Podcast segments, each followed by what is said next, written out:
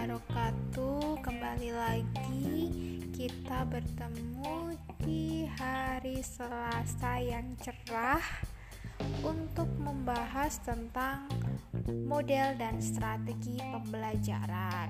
Hari ini kita akan mulai belajar lebih jauh kembali tentang model pembelajaran.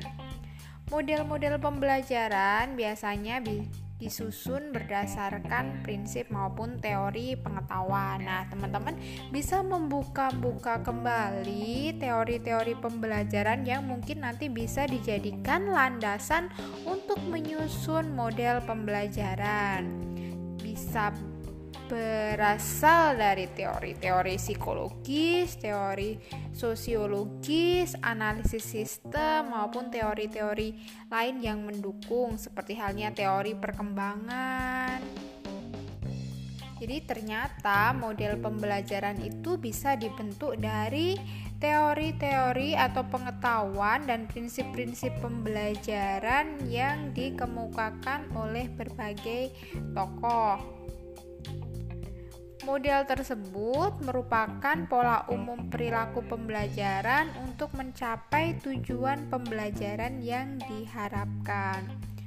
Model pembelajaran dapat dijadikan pola pilihan untuk para guru, termasuk guru PAUD ya, teman-teman untuk memilih model pembelajaran yang sesuai dan efisien untuk mencapai tujuan pendidikan. Jadi, sebenarnya model pembelajaran itu adalah kemerdekaan guru. Jadi, kemerdekaan guru untuk mengajar guru itu lebih yakin, lebih merasa efisien, efektif, dan nyaman menggunakan model pembelajaran seperti apa.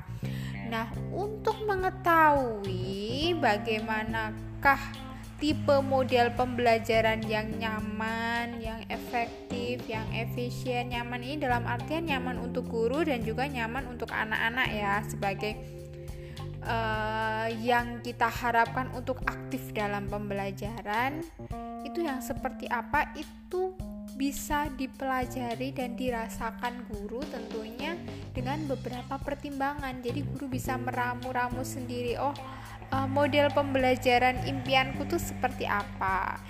Teman-teman boleh mulai sekarang ketika kita belajar model pembelajaran ini kira-kira bisa merancang. Oh, besok ketika saya sudah terjun menjadi seorang guru PAUD, maka model pembelajaran yang akan saya terapkan itu harusnya memiliki ciri ini. A, B, C, D bisa jadi nanti teman-teman akan menggabungkan beberapa teori dalam sebuah model pembelajaran versi teman-teman. Untuk hari ini kita akan belajar tentang model pembelajaran khusus berdasarkan teori teori pembelajaran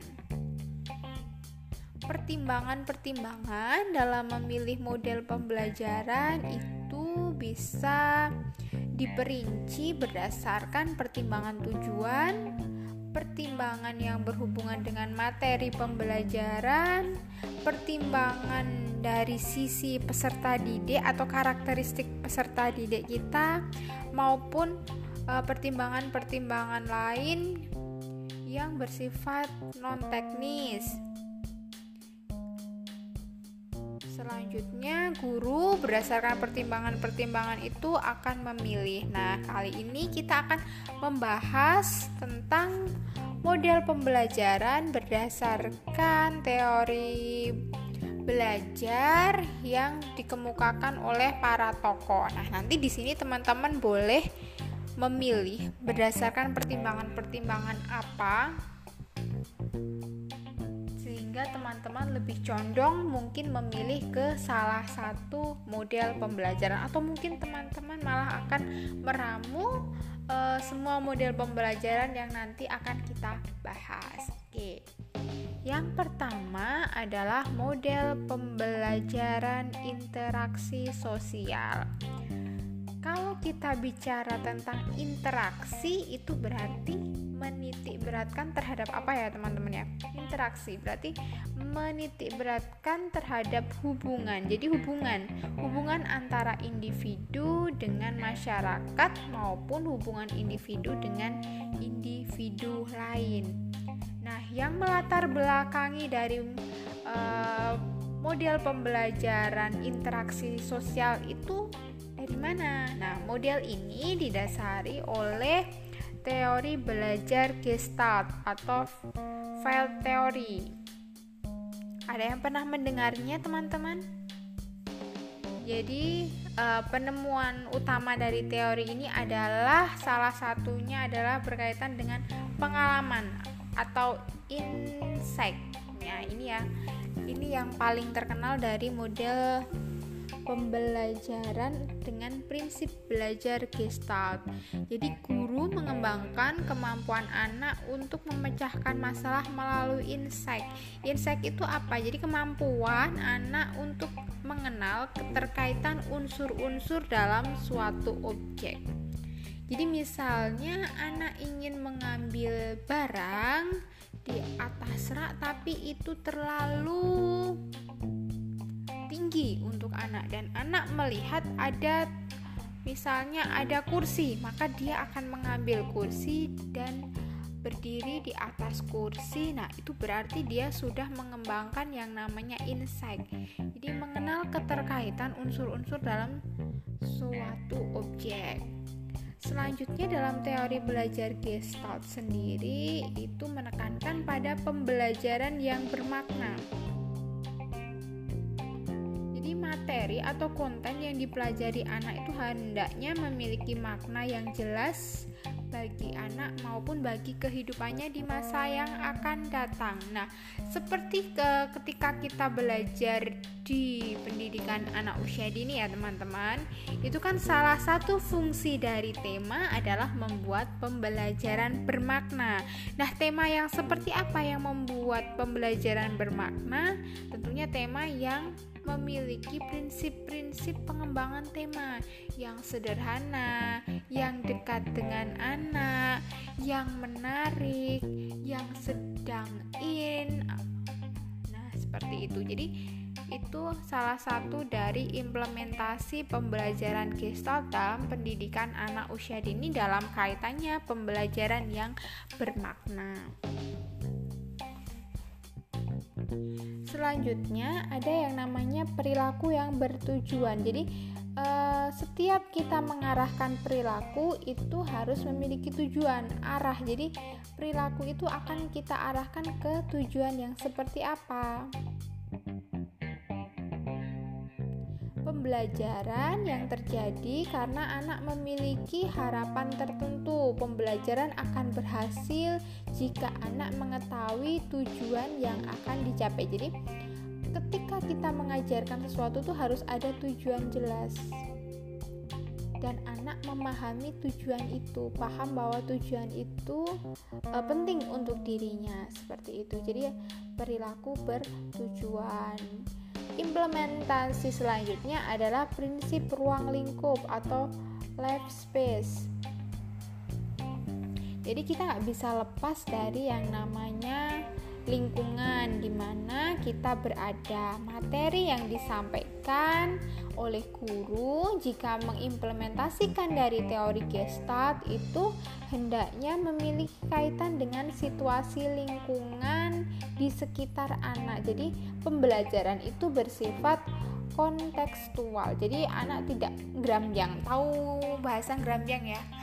Jadi kontekstual. Jadi sesuai dengan situasi yang ada di lingkungan. Jadi anak itu mudah untuk menangkap, mudah untuk paham dan juga anak dapat menerapkan, mengimplementasikan pembelajaran dalam kehidupan sehari-hari karena pembelajaran itu bersifat kontekstual. Jika kita mengkaitkan model pembelajaran dengan strategi, maka ada beberapa contoh model interaksi sosial itu menggunakan strategi yang seperti apa. Salah satunya karena interaksi sosial menitik beratkan dengan hubungan, maka pembelajarannya kalau menitik beratkan dengan hubungan berarti harus ada yang namanya kerjasama atau kerja kelompok. Jadi pembelajaran itu ada kerja kelompok, kegiatan yang dilakukan bersama-sama. Nah, di sini ketika kerja kelompok maka akan mengembangkan hubungan interpersonal. Selain itu, di bidang akademik juga ada discovery skill, penemuan.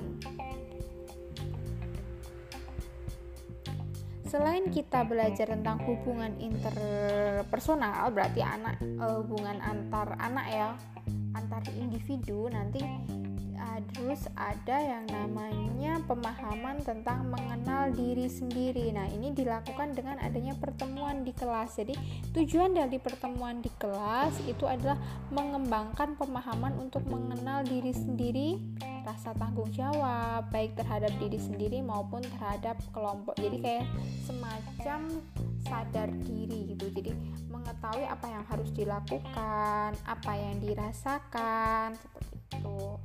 Selanjutnya lagi, gestalt tadi mengarah pada pemecahan masalah sosial bertujuan untuk mengembangkan kemampuan pemecahan masalah-masalah sosial sehingga anak memiliki cara berpikir yang logis. Bisa juga dengan menggunakan kegiatan bermain peran. Nah, kegiatan main peran ini memiliki tujuan uh, untuk memberikan kesempatan kepada peserta didik menemukan nilai-nilai sosial dan pribadi melalui situasi yang dibuat, situasi yang diimitasi, situasi yang ditiru. Jadi misalnya ketika bermain peran, ketika menjadi atau ketika berada di Indomaret. Nah, itu kan sebenarnya kita mengimitasi situasi yang ada di Indomaret. Di situ ada nilai-nilai sosial, di situ ada pembagian peran, di situ ada masalah dan bagaimana anak memecahkannya dalam pembelajaran bermain peran di situ. Terus ada lagi strategi dengan simulasi sosial. Ini juga mengarah pada model interaksi sosial. Simulasi sosial bertujuan membantu siswa mengalami berbagai kenyataan sosial serta menguji reaksi mereka. Misalnya simulasi sosial apa? Misalnya eh, ketika banjir, mengunjungi korban banjir, mengumpulkan dana untuk korban banjir. Nah, seperti itu kan masuk ke kategori simulasi sosial.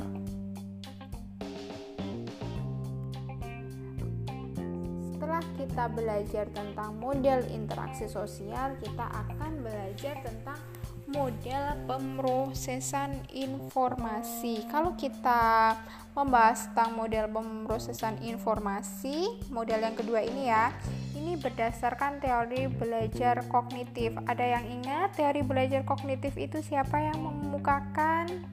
Yang paling terkenal tentunya ada Piaget ya. Jadi berorientasi pada kemampuan anak memproses informasi yang dapat memperbaiki kemampuannya.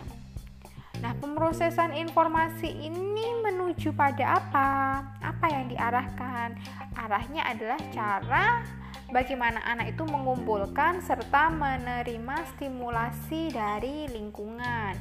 Di dalam prosesnya, dia mengorganisasikan data, memecahkan masalah, menemukan konsep, dan menggunakan simbol verbal dan visual. Nah, dari sini saja kita bisa memahami bahwa cenderung kepada model pembelajaran yang induktif. Jadi mengajar induktif, mengembangkan kemampuan berpikir anak untuk membentuk suatu teori. Mengajarnya induktif, jadi membentuk suatu konsep. Nah, dari pemrosesan informasi ini yang diharapkan itu seperti apa? Terus prosesnya dalam prosesnya itu ada interaksi apa dengan apa? Nah, ini yang akan kita pelajari. Jadi dalam proses uh, pem model pembelajaran dengan pemrosesan informasi di sini terjadi interaksi antara kondisi internal, kondisi internal ini berarti anak ya anak sebagai individu yang mengalami proses kognitif dan kondisi-kondisi eksternal. Kondisi eksternal itu siapa? Kondisi eksternal itu adalah rangsangan dari lingkungan termasuk kita sebagai guru yang memberikan rangsangan memberikan stimulasi pada anak kita itu termasuk dari kondisi eksternal itu sendiri. Dan di antara kondisi internal dan eksternal ini akan berinteraksi sehingga menghasilkan sebuah hasil belajar yaitu hasilnya berupa penghasil pemrosesan informasi yang berupa kecakapan manusia. Nah, ini terdiri dari informasi verbal, kecakapan intelektual, strategi kognitif, sikap maupun kecakapan motorik.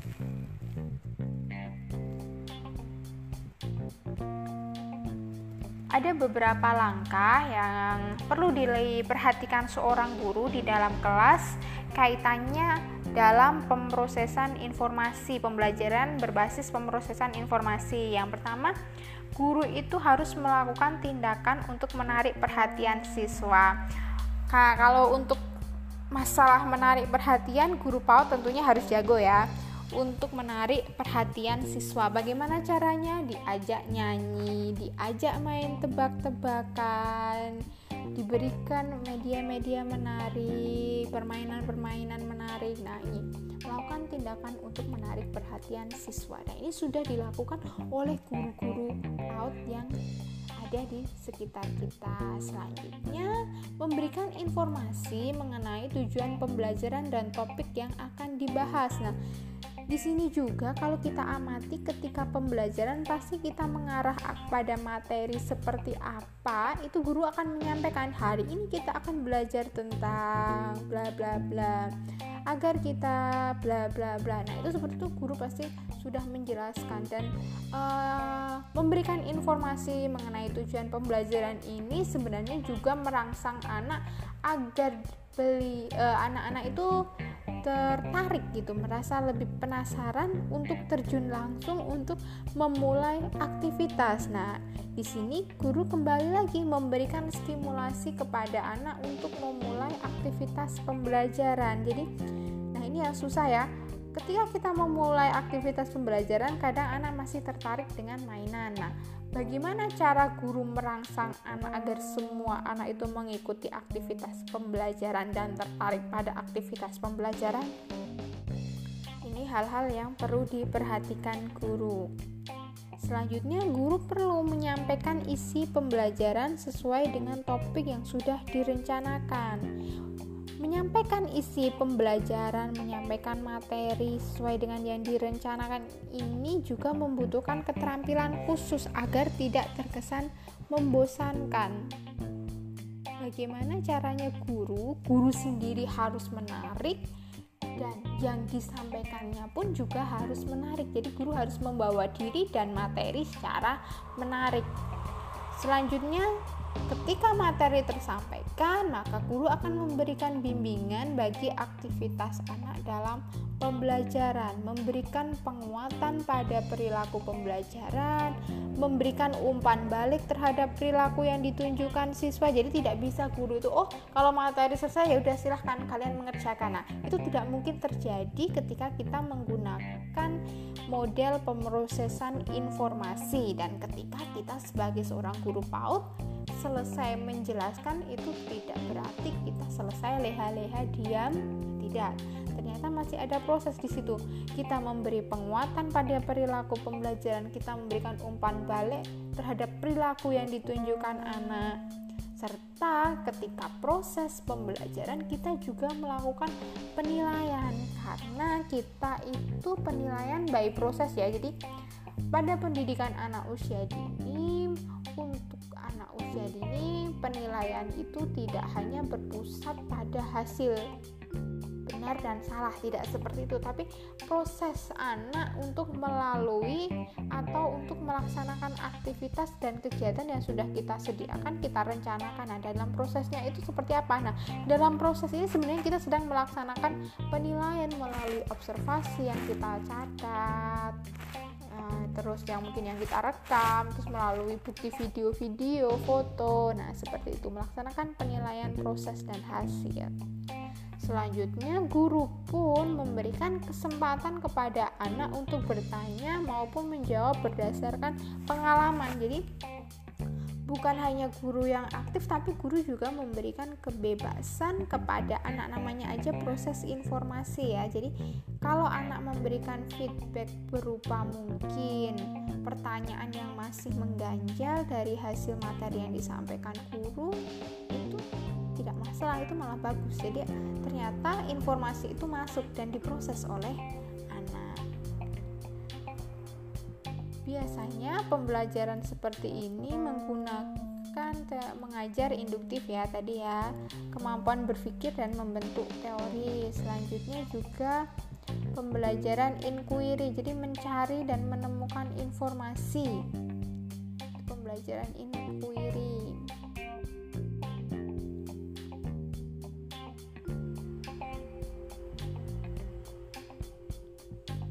Sebagaimana guru yang bersi, e, bertugas sebagai fasilitator, maka di sini guru membantu anak agar dapat berinteraksi dengan lingkungannya dengan sebaik mungkin. Jadi guru itu menjadi fasilitator, menjadi contoh untuk anak agar anak itu bisa berinteraksi dengan lingkungan belajarnya. Selanjutnya, dalam memilih bahan yang harus dipelajari, hendaknya adalah yang baru, jadi kekinian, jadi terus berganti. Tapi barang-barang itu adalah barang-barang yang tidak asing atau yang dekat dengan anak atau mudah didapat atau mudah dijangkau oleh anak. Untuk mendukung eh, anak-anak uh, dalam kaitan yang memberi kesempatan bertanya dan menjawab berdasarkan pengalaman, maka pembelajaran bisa didasarkan dengan model diskusi. Jadi ada waktunya untuk diskusi di kelas, diskusi bersama. Ini juga bagian dari bagaimana caranya memproses informasi. Jadi informasi itu tidak hanya datang dari guru tapi juga dari uh, peserta didik lain seperti itu ketiga, kita akan belajar tentang model personal. Nah, model personal itu sendiri ini adalah wujud dari pendidikan yang humanistik, memanusiakan manusia. Pendidikan harus humanistik. Sering mendengar istilah itu ya. Jadi ini bisa dimasukkan dalam model pembelajaran personal. Jadi berorientasi terhadap pengembangan diri dari individu.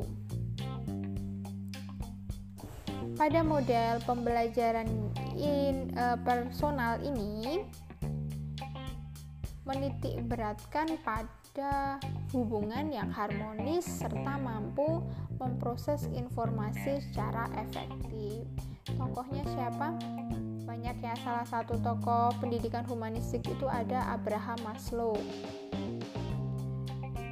teori humanistik sendiri timbul sebagai gerakan memanusiakan manusia. Pada teori humanistik, seorang guru seharusnya berperan sebagai pendorong, bukan menahan sensitivitas anak terhadap perasaannya. Jadi, uh, kita yakin bahwa anak itu bukan miniatur orang dewasa. Kita yakin bahwa anak itu aktif, anak memi e, memiliki perasaannya sendiri, memiliki pemikirannya sendiri, dan setiap anak itu berbeda. Maka dari landasan itu muncullah yang namanya teori humanistik, memanusiakan manusia. Di sini pada teori humanistik kita harus e, bertingkah laku dan belajar itu berdasarkan hasil pengamatan. Tingkah laku yang ada dapat dilaksanakan sekarang. Jadi, learning to do. Semua individu memiliki dorongan dasar dan aktualisasi diri. Sebagian besar tingkah laku individu adalah hasil dari konsepsinya sendiri. Nah, yang penting lagi, mengajar adalah bukan hal penting, tapi belajar siswa adalah sangat. Jadi bagaimana siswa belajar itu adalah sesuatu hal yang sangat penting. Learn how to learn mengajar hendaknya membantu anak untuk mengembangkan hubungan yang produktif dengan lingkungannya dan memandang dirinya sebagai pribadi yang cakap. Jadi kan tadi berorientasi pada individu dan pengembangan diri. Model personal. Jadi kalau ada istilah pendidikan humanistik itu biasanya mengarahnya pada model pembelajaran personal yang menganggap individu harus mengembangkan diri, berorientasi pada individu dan pengembangan diri. Selanjutnya ya, yang keempat ada model modifikasi tingkah laku atau behavioral. Behavior ya, teman-teman. Jadi Ingat ya, kalau model ini bertitik tolak pada teori belajar behavioristik. Teori belajar behavioristik itu yang seperti apa? Ada yang ingat? Jadi yang membentuk tingkah laku ya teman-teman dengan cara memanipulasi penguatan. Nah, dari model modifikasi tingkah laku ini ada beberapa fase dalam model modifikasi. Yang pertama ada fase mesin pembelajaran CAI, CBI. Uh, eh, CAI itu itu jadi pembelajaran berbasis dengan komputer. Jadi pembelajaran yang memanfaatkan media berupa komputer. Jadi bisa dengan simulasi, tutorial. Nah, itu salah satu bentuk dari atau ciri dari menggunakan model pembelajaran behavioral. Nah, pada saat seperti ini ketika kita jarak jauh secara tidak sadar sebenarnya kita beberapa hal itu malah kembali kepada model modifikasi tingkah laku untuk mata kuliah-mata kuliah praktek. Jadi kayak tutorial kayak simulasi itu kita menggunakan internet. Jadi kita mengupload membuat seorang guru mengupload atau membuat langkah-langkah mengerjakan terus anak mencontoh. Nah itu sebenarnya ini adalah bentuk dari model pembelajaran modifikasi tingkah laku atau behavior. Yang kedua adalah penggunaan media. Nah kalau penggunaan media itu sendiri kita sebagai seorang guru apalagi guru PAUD itu harus kaya dengan yang namanya media. Bahkan media yang dibuat sendiri oleh guru penggunaan media penggunaan media ini bertujuan untuk apa? Nah, tujuan dari penggunaan media itu sendiri kan untuk memperlancar proses transfer ilmu, untuk memperlancar proses pembelajaran. Makanya model modifikasi tingkah laku ini salah satunya adalah bercirikan penggunaan media. Selanjutnya yang ketiga ada pengajaran yang berprogram.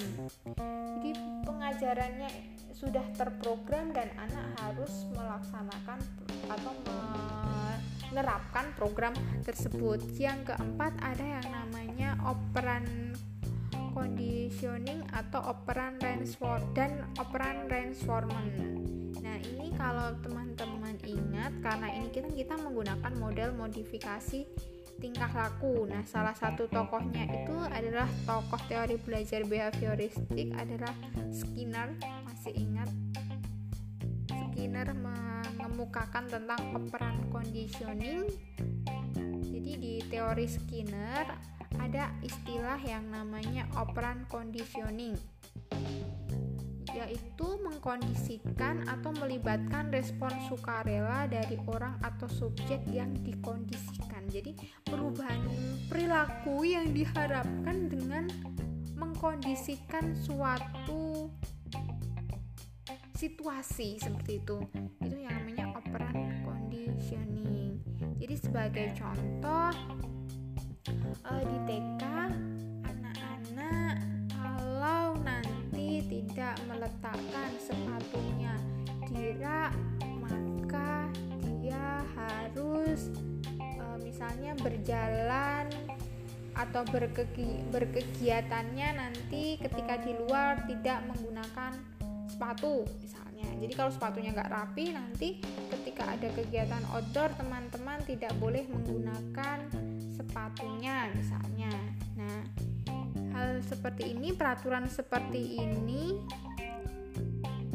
menjadi salah satu bentuk dari operan conditioning operan conditioning itu seberapa berfungsinya itu dapat kita lihat dari respon anak-anak. Misalnya, jika anak-anak itu dengan adanya peraturan seperti itu menjadi sampai sekolah langsung meletakkan sepatunya dengan rapi dan masuk kelas dan itu juga dilakukan ketika anak di rumah, maka operan conditioning ini berarti sangat kuat atau bisa kita pertahankan dan itu memang bisa merubah perilaku anak menjadi anak yang oh rapi ketika meletakkan benda, meletakkan dalam kaitannya di sini alas kaki. Nah, tapi jika ternyata anak-anak itu di sekolah oke okay, itu berfungsi di sekolah tapi ketika di rumah kita mendapatkan laporan anak itu sampai rumah itu mungkin sepatunya hanya diletakkan asal ditaruh di tempatnya.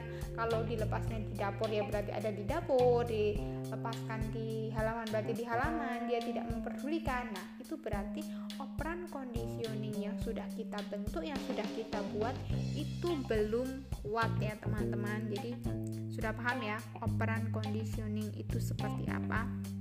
Terus sudah paham pula ya kuat itu seperti apa, dikatakan kuat seperti apa, dikatakan lemah itu seperti apa.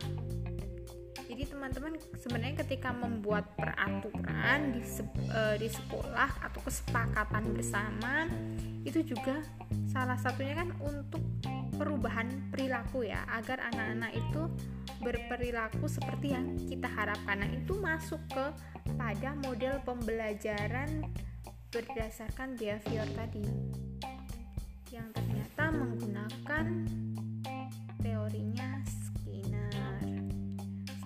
di sini teman-teman mungkin ada yang perlu dibahas. Semoga tidak ada yang merasa saya menjelaskannya terlalu cepat ya. Nah, nanti bisa diputar-putar lagi ya, teman-teman. Terus kalau kita bicara tentang operan conditioning, kita juga belajar namanya operan reinforcement. Reinforcement itu apa? Ya, kalau kita bicara reinforcement itu ada reinforcement positif, reinforcement negatif. Nah, di sini adalah kita membahas tentang yang namanya penguatan. Jadi kalau kita bicara reinforcement itu positif berarti menguatkan dengan cara yang menyenangkan. Misalnya memberikan apresiasi berupa tepuk tangan. Itu udah termasuk reinforcement positif atau kita memberi hadiah reward. Nah itu juga reinforcement positif. Jika kita membuat reinforcement negatif itu menguatkan dengan cara yang kurang menyenangkan. Misalnya dengan adanya peraturan dengan adanya uh, ancaman nah seperti itu adalah masuk ke reinforcement negatif Jadi reinforcement itu ada dua harus diingat ya ada reinforcement positif dan reinforcement negatif. Kalau reinforcement positif itu yang menyenangkan, yang positif. Sementara kalau yang negatif itu berarti bisa berupa peraturan, bisa berupa ancaman seperti itu. Bisa pula berupa punishment tadi kita sudah belajar teori pembelajaran yang mendasari model belajar. Jadi ada model belajar interaksi sosial yang menekankan pada prinsip belajar gestalt dan menitik beratkan pada hubungan antar individu.